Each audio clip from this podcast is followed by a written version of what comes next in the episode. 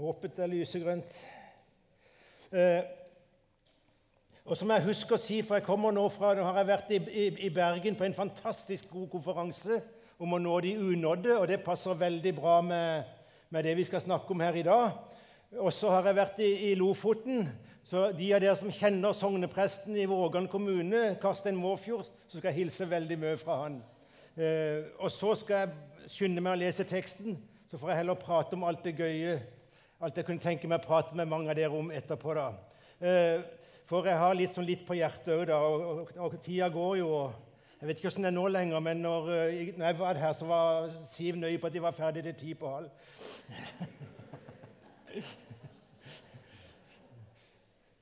Jeg har lyst til å lese en tekst sammen med dere. Jeg har jo fått i oppgave å si litt om det å være sendt til jordens ender. Og nå er det jo slik at eh, Hvis vi tenker at polpunktene er jordens ender, så er vi jo ganske nære her vi er. Men jeg skal konsentrere meg om, eh, om det som vi normalt prater om. Liksom, først så går vi liksom i nærmiljøet, og så går vi ut til, til, alle jordens folkeslag.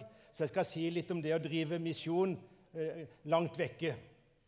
Eh, og Da skal jeg lese noen vers fra Lukas 24 som heter 'Oppdrag og avskjed'. Han sa til dem, 'Det var dette jeg talte om da jeg ennå var sammen med dere', og sa at alt måtte oppfylles som står skrevet om meg i Moseloven, hos profetene og i salmene.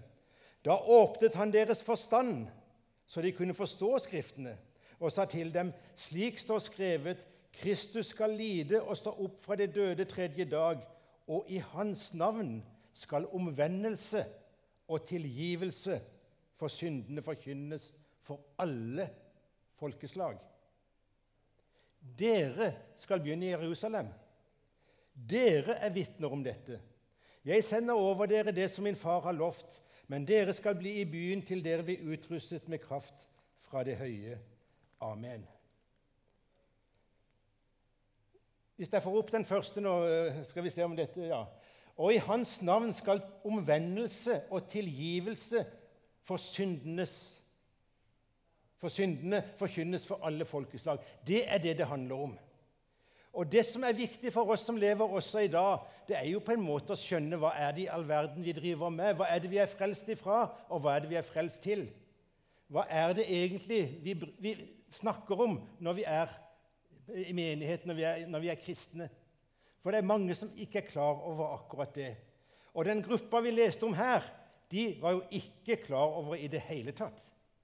Når Jesus sa til dem at, at, de at det skulle forkynnes tilgivelse for, for, syndene, ja, så visste jo ikke de hva han snakka om.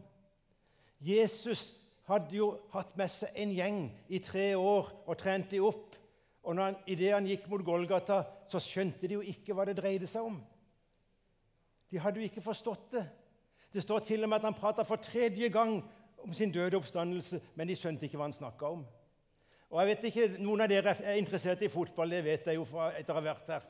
Og Av og til hender det at jeg er mer enn normalt interessert i det. Og da vet vi jo at Hvis det er noen som ikke leverer, så blir de bytta ut.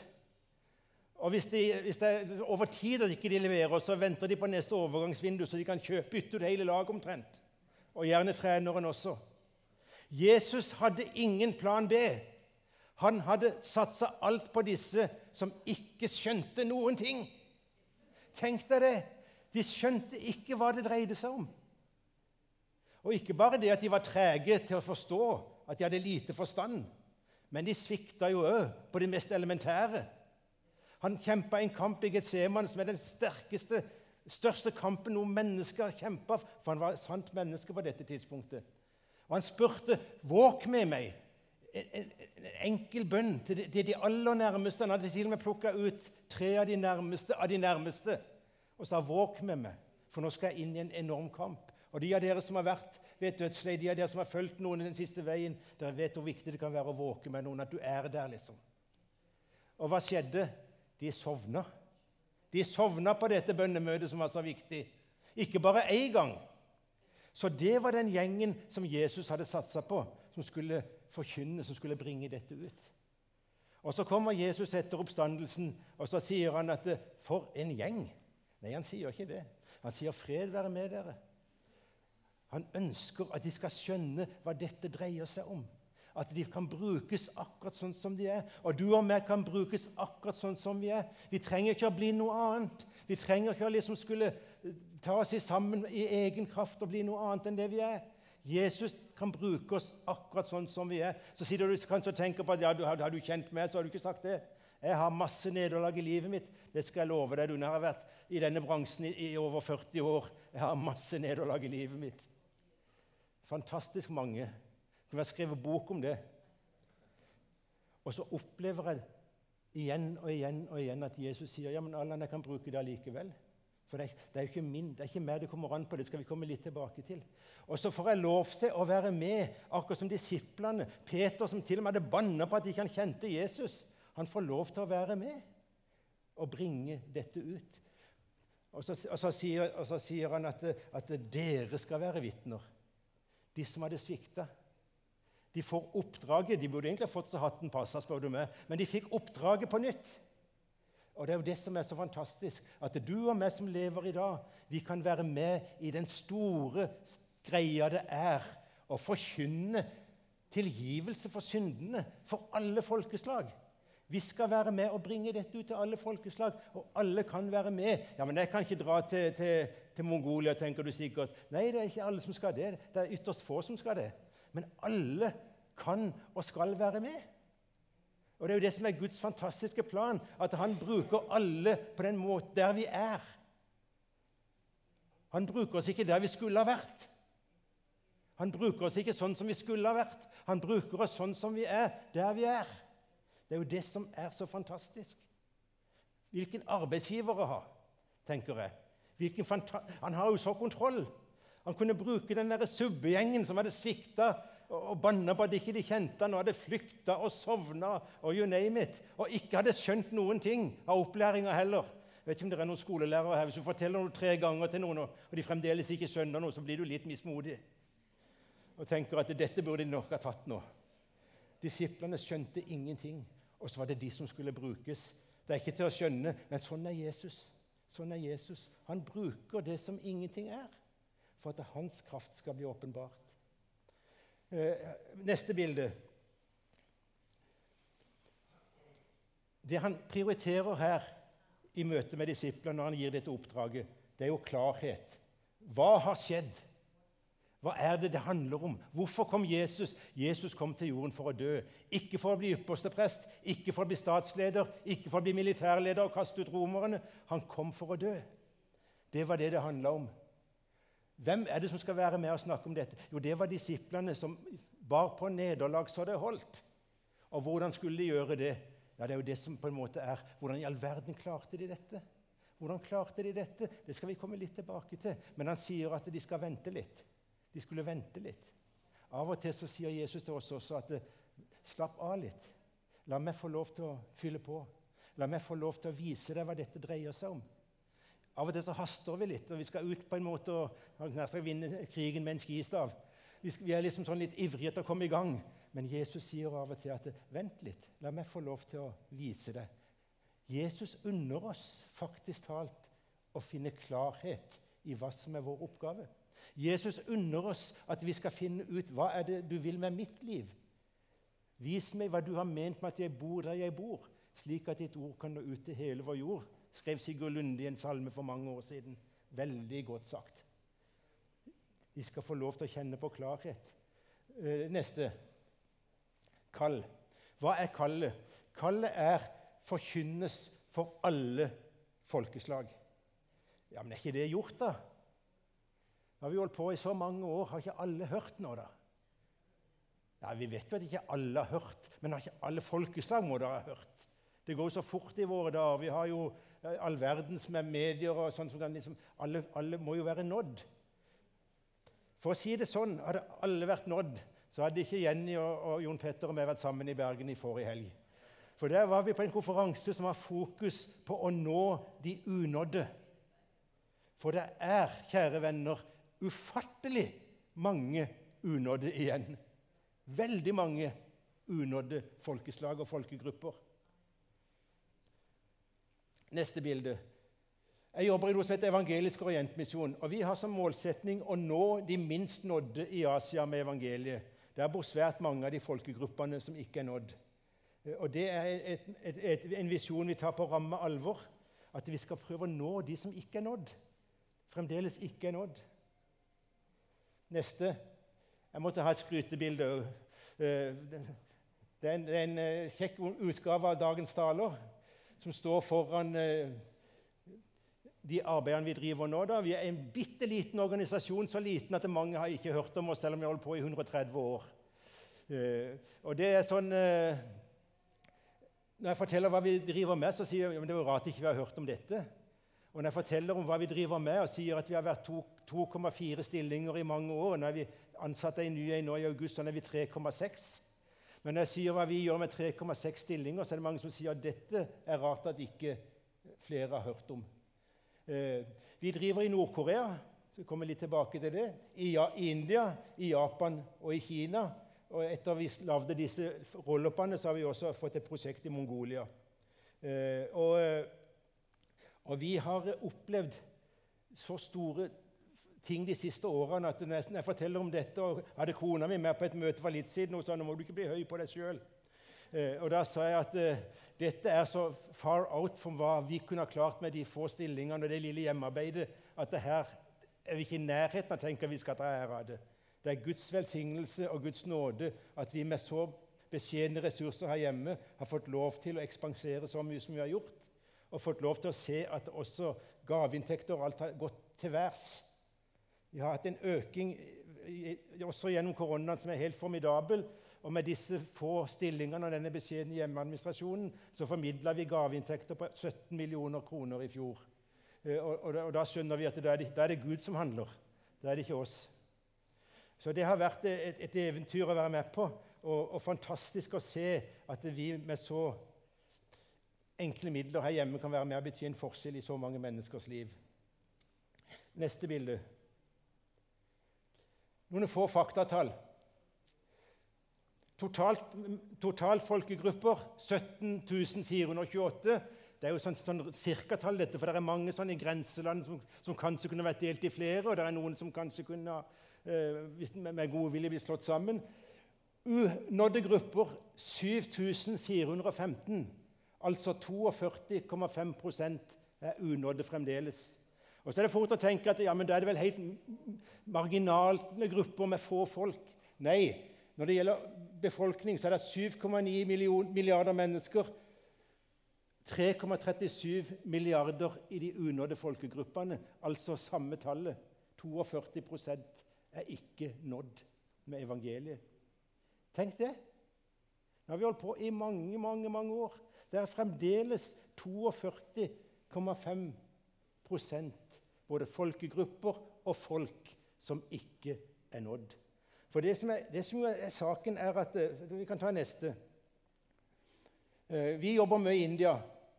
Der er det 2373 folkegrupper. Det er 10% som er nådd. 10% som er nådd. Det er 2135 folkegrupper som er unådde i India. Og i India er det fryktelig mange folk. Helt ubeskrivelig mange folk. Det er faktisk sånn det var en professor på, på, på universitetet i, i, i, i, Vennesla, i Kristiansand som, Vi har ikke universitetet i Vennesla riktig ennå. Som fortalte meg Vet du, Allan, sa han, én av ti verdensborger bor på landsbygda i India. Én av ti verdensborger bor på landsbygda i India. Så det kan ikke stemme. Jo, sa han, det stemmer. I India, Vi har du hørt om alle disse store byene. Sånn, ja, det bor 400 millioner sa han, i disse store byene. Men det er over 800 millioner som bor ikke i de store byene. Det er faktisk talt én av ti i hele verden som bor på landsbygda. Og mange av de er inne i de der gruppene på de 2000 folkegruppene som ikke er nådd. Neste. Hva gjør vi i India? Vi driver eh, tre barnehjem, vi driver skoler, vi driver en sommerleir for barn for at de kan høre om Jesus. Vi driver med kirkebygning. Neste bilde. Her ser dere en, en menighet ute bokstavelig talt i bushen. Der ser de firkantene. Der er der pilarene skal stå på et nytt kirkebygg. Jeg var så heldig å få lov til å legge ned grunnsteinen på dette kirkebygget For det var, det, det, den kirka var gitt eh, av penger som vi samla inn når, når svigerfar døde. Så ville han istedenfor blomster ha, ha, ha ei kirke i India. Det høres jo litt rart ut, for du tenker det må være veldig mange blomster.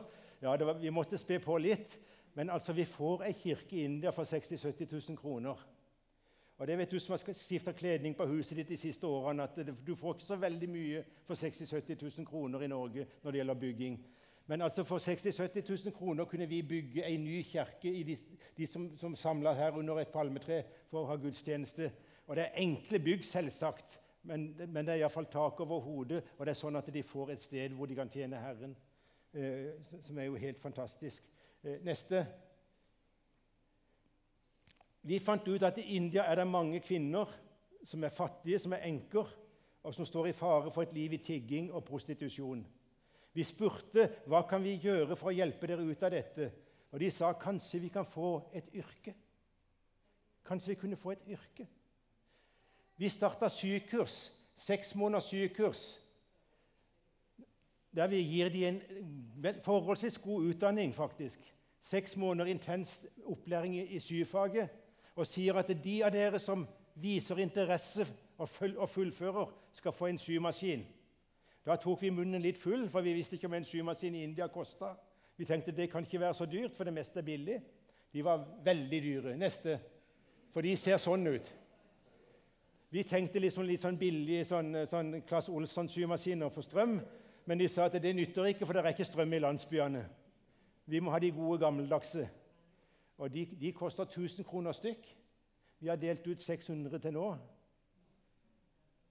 Og eh, skal dele ut 550 til neste år. Dette gjør at damene får et helt nytt liv. De får en mestringsfølelse. Plutselig kan de noe. De får en uavhengighet av å tigge. De får en uavhengighet av mennene som har kanskje stukket av for en stund siden.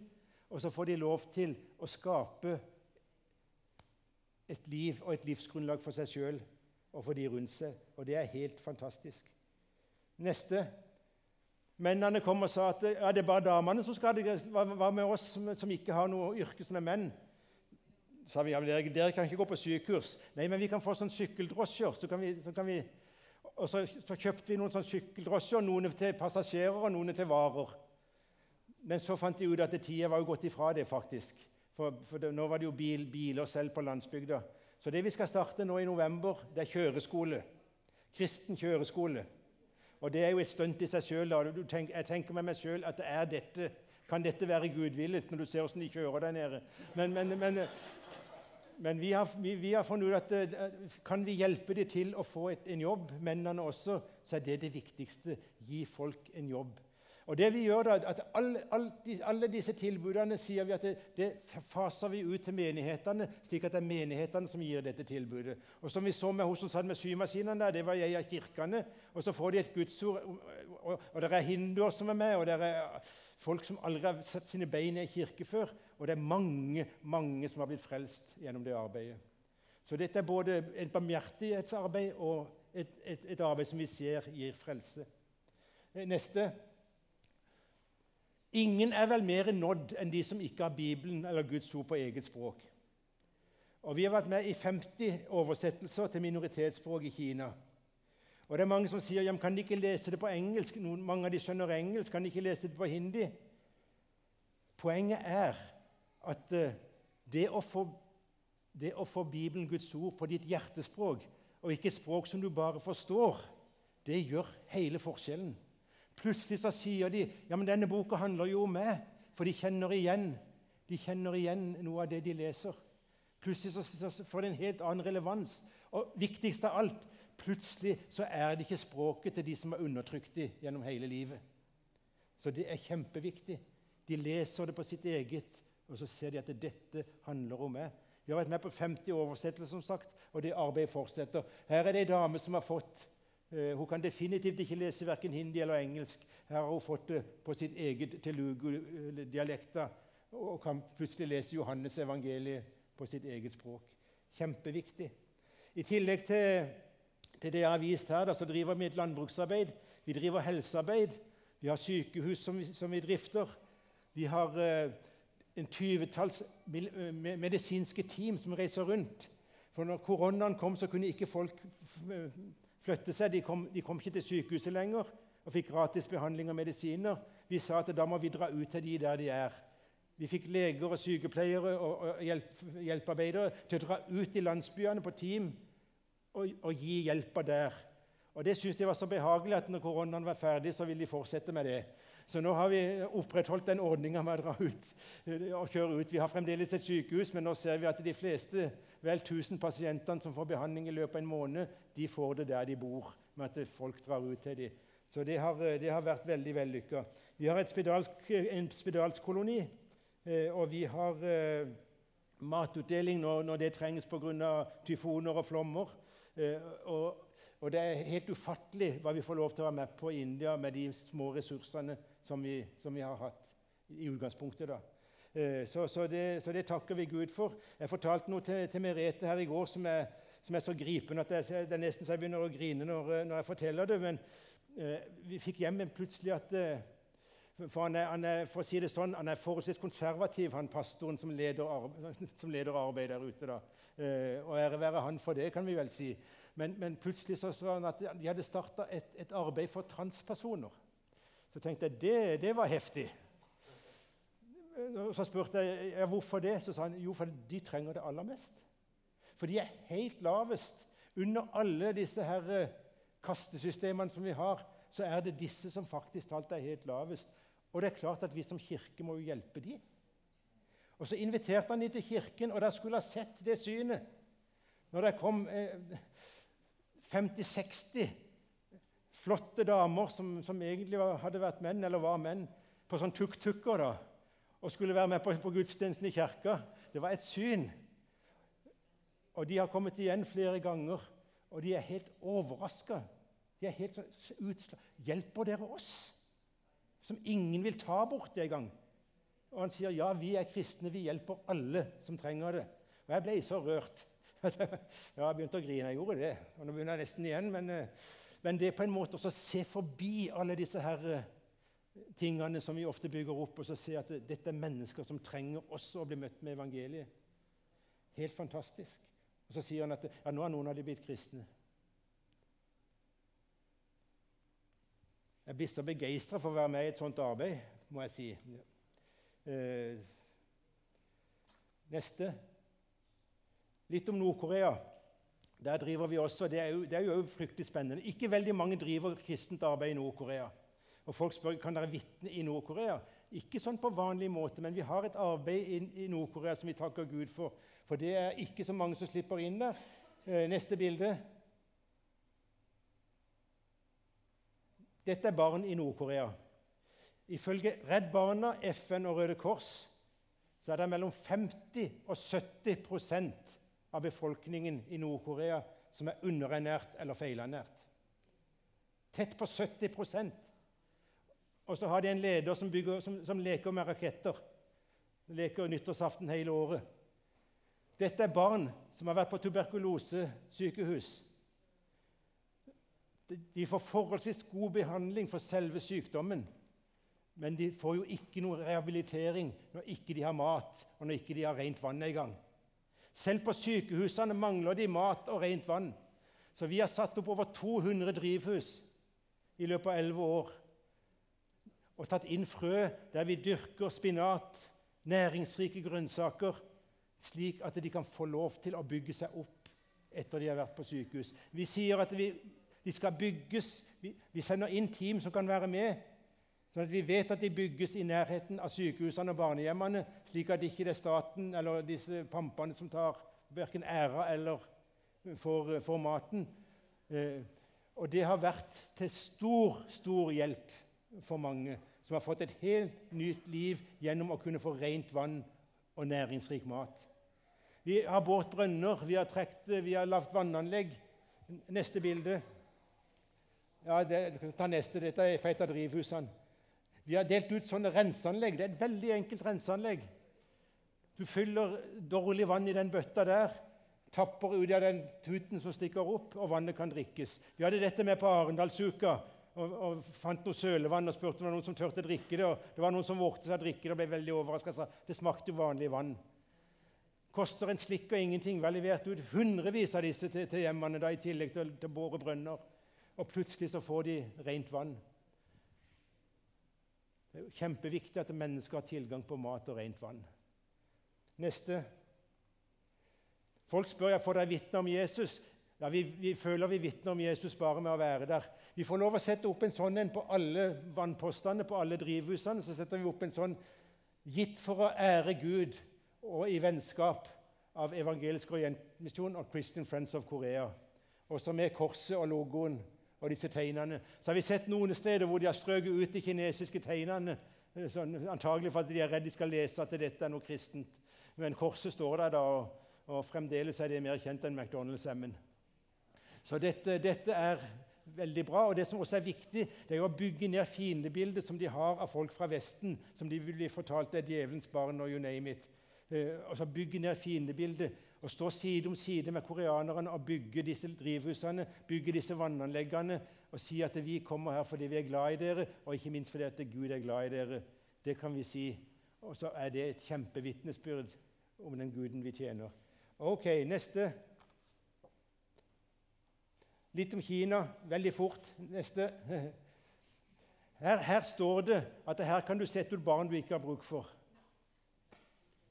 Og Sånn har det vært i Kina mange steder. at eh, Pga. ettbarnspolitikken så var det sånn at det fikk du da eh, en handikappa unge. Ja, Sågar fikk du ei jente. Og tenkte at eh, jeg må ha en sjanse til. Så, så satte de ut barna. Vi har jobba med, med, med, med, neste med handikappa barn. Her ser vi noen som før lå fastspent 24 timer i døgnet og ble mata med sonde bare for å holde liv i dem. Og døde de, så gjorde ikke det noe. Det var flere å ta likevel. Eh, vi fikk lov til å komme inn i, i, i en institusjon, lage et tilbud for dem, der de blir motivert, eller ikke motiverte, der de blir hæ? stimulerte. Der de får motorisk trening. Og det vi oppdaget, var jo at de var jo ikke, de hadde, Noen av dem hadde ikke språk, men de hadde jo de skjønte jo hva det dreide seg om. Vi leser bibelhistorie. Og jeg, har sagt til noen at det, det aller, aller største øyeblikket jeg har hatt i mine, i mine år uh, hvor jeg jobba med dette, det var når jeg var på et hjem som ble tufta på bakgrunnen av en misjonær vi hadde, som, som, ga sitt liv i kollektbøssa. Han ga alle pengene han hadde som ung gutt på et møte med Ludvig Hope. Skrev 'Og mitt liv', putta i kollektbøssa, dro til Kina, omkom i 1939 første japanske angrepet. Folk tenkte at ja, da var det løpet kjørt. Så gikk det 50 år. Så ble familien invitert om å komme tilbake til Shanxi-provinsen og ta opp igjen dette arbeidet. Og, de, eh, For å gjøre en lang historie kort så tok de opp dette arbeidet. Har drevet et enormt arbeid, sett mange folk bli frelst, sett mange barn bli hjulpet. Og, jeg, og, etter 50 år hvor du ikke visste det hadde skjedd noen ting. Og det, det er jo også noe som for oss som har drevet i misjonstjenesten Når vi ser at, det, at det av og til så, så, går det tid, men det er aldri forgjeves. Eh, å, å, komme der og bli møtt av en gutt som prøvde å, å, å ta seg frem til meg med, med åpent fjes og vite at han lå fastspent 24 timer og bare, bare mata for å holde livet så lenge de gadd og så se det blikket og, og tenke at det, dette er fakta talt en frukt av en mann fra Kristiansand som sykla til Hornes for å høre Ludvig Hope tale om Kina, og som ga sitt liv i kollekten. Så må jeg si at det var, var utrolig opplevelse. Å tenke at det, det nytter faktisk. Det nytter, det vi driver med. For Gud jobber på sin sak når vi er villige til å gjøre det lille vi kan. Og Mange tenker at det var ikke så mye han fikk gjort. Jo, han fikk gjort kjempemye. Nå har det vært over 100 stykker inneteltmakere i det arbeidet med, med helse, sosialt arbeid, men også med barneleirer, ungdomsleirer. Og de har strekt strikken ganske langt for hva som er lovlig. Eh, men eh, ja, neste bilde. Bibler, Bibelspredning. Vi har vært med å spre mye, særlig barnebibler, da, for det har ikke vært lov å trykke i, i, Kina. Eh, og det, det blir veldig skamfulle når jeg tenker på hvor mye jeg bruker Bibelen. Selv om jeg bruker den til og med som arbeidsbok, og ser gleden når folk får en bibel. Og liksom blir helt sånn euforiske. 'Tenk, vi har fått en bibel!' Etter å ha venta lenge. Og også barna kjempeglade for å få en bibelbok. Neste. Dette er uh, muslimer fra Urumqi, eller uh, Xinjiang-provinsen i Nordvest-Kina. I Kina er det mange minoriteter som lever under forferdelige forhold. Kina prøver å utrenske etniske minoriteter og kinifisere holdt jeg på å si, folk. I, i, I, dette området her så er det uh, tvangssteriliseringer. Der er barn som blir tatt ifra mødrene når de blir født. De prøver å, å, å drepe hele den etniske minoriteten og skape et Kina som bare består av han-kinesere. Og Vi ser det i flere, vi ser det mange steder, men også her. Eh, vi har hatt et arbeid i Urumqi i 30 år, bl.a. også med å oversette Bibelen til uigurspråket. Eh, og vi har også et arbeid i en annen minoritet jeg har lyst til å bare si veldig kort om. Jeg kommer til å bruke mer enn vanlig tid her nå, men jeg er snart ferdig. Slapp av. Eh, de, vi har et arbeid i en minoritet Nå skal jeg si navnet, men bare glem det med en gang. Moso-folket. Men bare glem det med en gang. Jeg har ikke sagt det. Det er en av de få matriarkalske samfunnene igjen i verden. Det betyr at der er det damene som styrer alt. Og når jeg forteller dette, så er det mange menn som sier sånn er det hjemme hos oss også. Men her er det litt mer satt i et system der at, at den eldste dama i, i, landsbyen er liksom den som skal gi eh, klarsignal på at det går greit. Eh, der har vi et arbeid. Der var det ingen kristne i år 2000. I år 2001 kom det to stykker fra Ungdom i oppdrag som hadde sittet på Grimerud og fått dette navnet på den, på den uh, folkegruppa. Fortsatte de skulle jobbe, de måtte slå opp. De ante ikke hvor det var hen. De dro dit og opplevde å be med den første kristne i år 2001. Så har det gått litt trått, for det har stramma seg til noe enormt i Kina. Men nå er det dattera til den første kristne har sagt at 'jeg vil ta dette videre'. Hun har dratt opp igjen i denne folkegruppa og er det noe som virkelig er tøft, så er det å jobbe med en religiøs minoritet i en etnisk minoritet i Kina. Det er med fare for livet så til de grader at hun vitner om Jesus for dette folket. Eh, og Hun har, kan jo ikke gjøre det helt åpent. Hun har planta en haug med frukttrær. Og Når folk spør hva er det du skal der oppe og gjøre, så sier hun jeg skal opp og se til trærne mine og høsten av frukten. Så vitner hun om Jesus mellom eh, epler og pærer, de vokser på trær. Der går hun og vitner om Jesus. Og så sier hun kunne jeg bare fått en kafé eller et eller annet som jeg kunne drive, som ikke var mistenkelig, så kunne jeg snakke med dem. Og jeg, blir så begeistra for mennesker som på en måte går all in og tenker at uh, dette folket skal nå oss uansett. Hun, hun, er, hun, med, hun, blir nødt til å drive med det vi kaller for BAM, Business as Mission. Hun må finne et eller annet hun kan gjøre som gir henne legitimitet for å være der. Så skal, men så er, hele tanken er jo at jeg skal vitne om Jesus til dette folket som er totalt unådd. Eh, eller det vil si, nå er, de, nå er de litt nådd, for det kom noen kristne for noen få år siden. Neste. Jeg tror, jeg, jeg tror vi bare hopper over Japan. Vi driver i Japan et, et, ganske, et ganske ordinært et ganske ordinært misjonsarbeid som vi har drevet siden 1951. Jeg har bygd elleve menigheter som, som, som, som, lever litt sitt eget liv. Så jeg skal ikke, ikke ta så mye av det. da. Eh, hvis vi går, bare, veldig, hvis vi går kjempefort nå kan Gud, ja, der, der, der, ja. Kan Gud bruke meg? Nå er jeg tilbake til der jeg starta. Jeg får det ikke til. Når jeg snakker med folk som har lyst, de sier jeg skulle gjerne hatt en tjeneste, men jeg får det ikke til. De sier jeg har opplevd så mye nederlag. Og så er det mange som sier jeg er ikke så veldig from. Og Da er det jo godt å kunne si det til dere at jeg er ikke så veldig from, jeg heller. Også de som kjenner meg veldig godt i Troms, vil si at det trenger du ikke fortelle, det vet vi. Eh, men folk er folk, som en kollega av meg pleide å si. Vi er mennesker. Vi bærer på svik. Eh, når, når Bjørn Eidsvåg synger 'Og jeg har tenkt det skulle ikke jeg ha gjort', så er det klart han hadde gjort akkurat det samme. Og jeg tenker av og til tenker deilig å ha levd på Jesu tid og gått med vært en av disse, liksom sånn, lettere det måtte være da. Jeg, jeg, jeg er antagelig svikta akkurat like mye. Folk er folk, og sånn har det alltid vært. Vi får det ikke til. Vi har opplevd nederlag, og vi er ikke så veldig fromme. Og allikevel, som jeg sa innledningsvis, så kommer Jesus og sier det er dere jeg kan bruke. Jeg har ikke noen andre.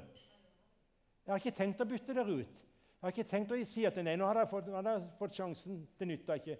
Jesus kommer igjen og igjen og sier at er dere villige, så kan jeg bruke dere. Neste kraft. Dere skal forholde dere rolig, sa Jesus. Dere skal bli i byen til dere blir utrustet med kraft fra det høye. For det er ikke oss sjøl det kommer an på. Det er ikke hva vi klarer. Det er ikke hvor gode og flinke vi er. Men det er om vi åpner opp og er villig til å motta den kraft som Han har å gi. Dere skal få kraft, men dere skal vente. Og så satt de der og venta, da. Og så kom jo pinsa.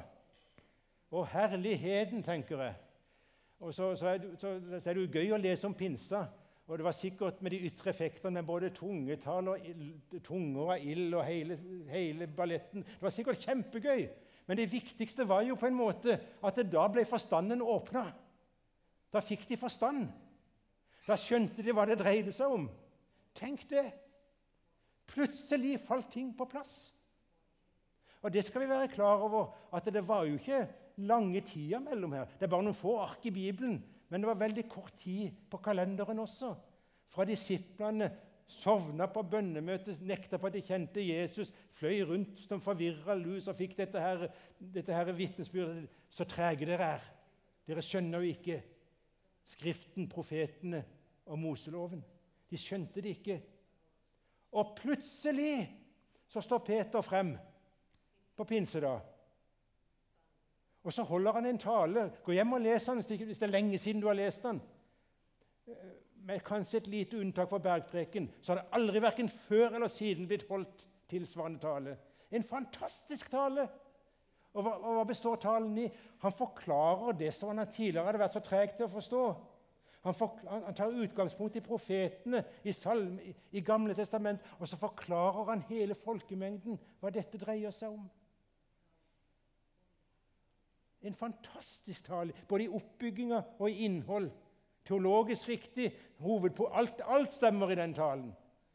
Peter, som noen få uker før var blitt satt ut av en jentunge som sa 'Du var også med han'. Nei! Så står han frem der, og der er ypperste prester og you name it. Og, og, og, og så holder han en tale der alt faller på plass. Ja, Da hadde han vel gått på en god bibelskole i mellomtida. da. Nei, han hadde ikke det selv.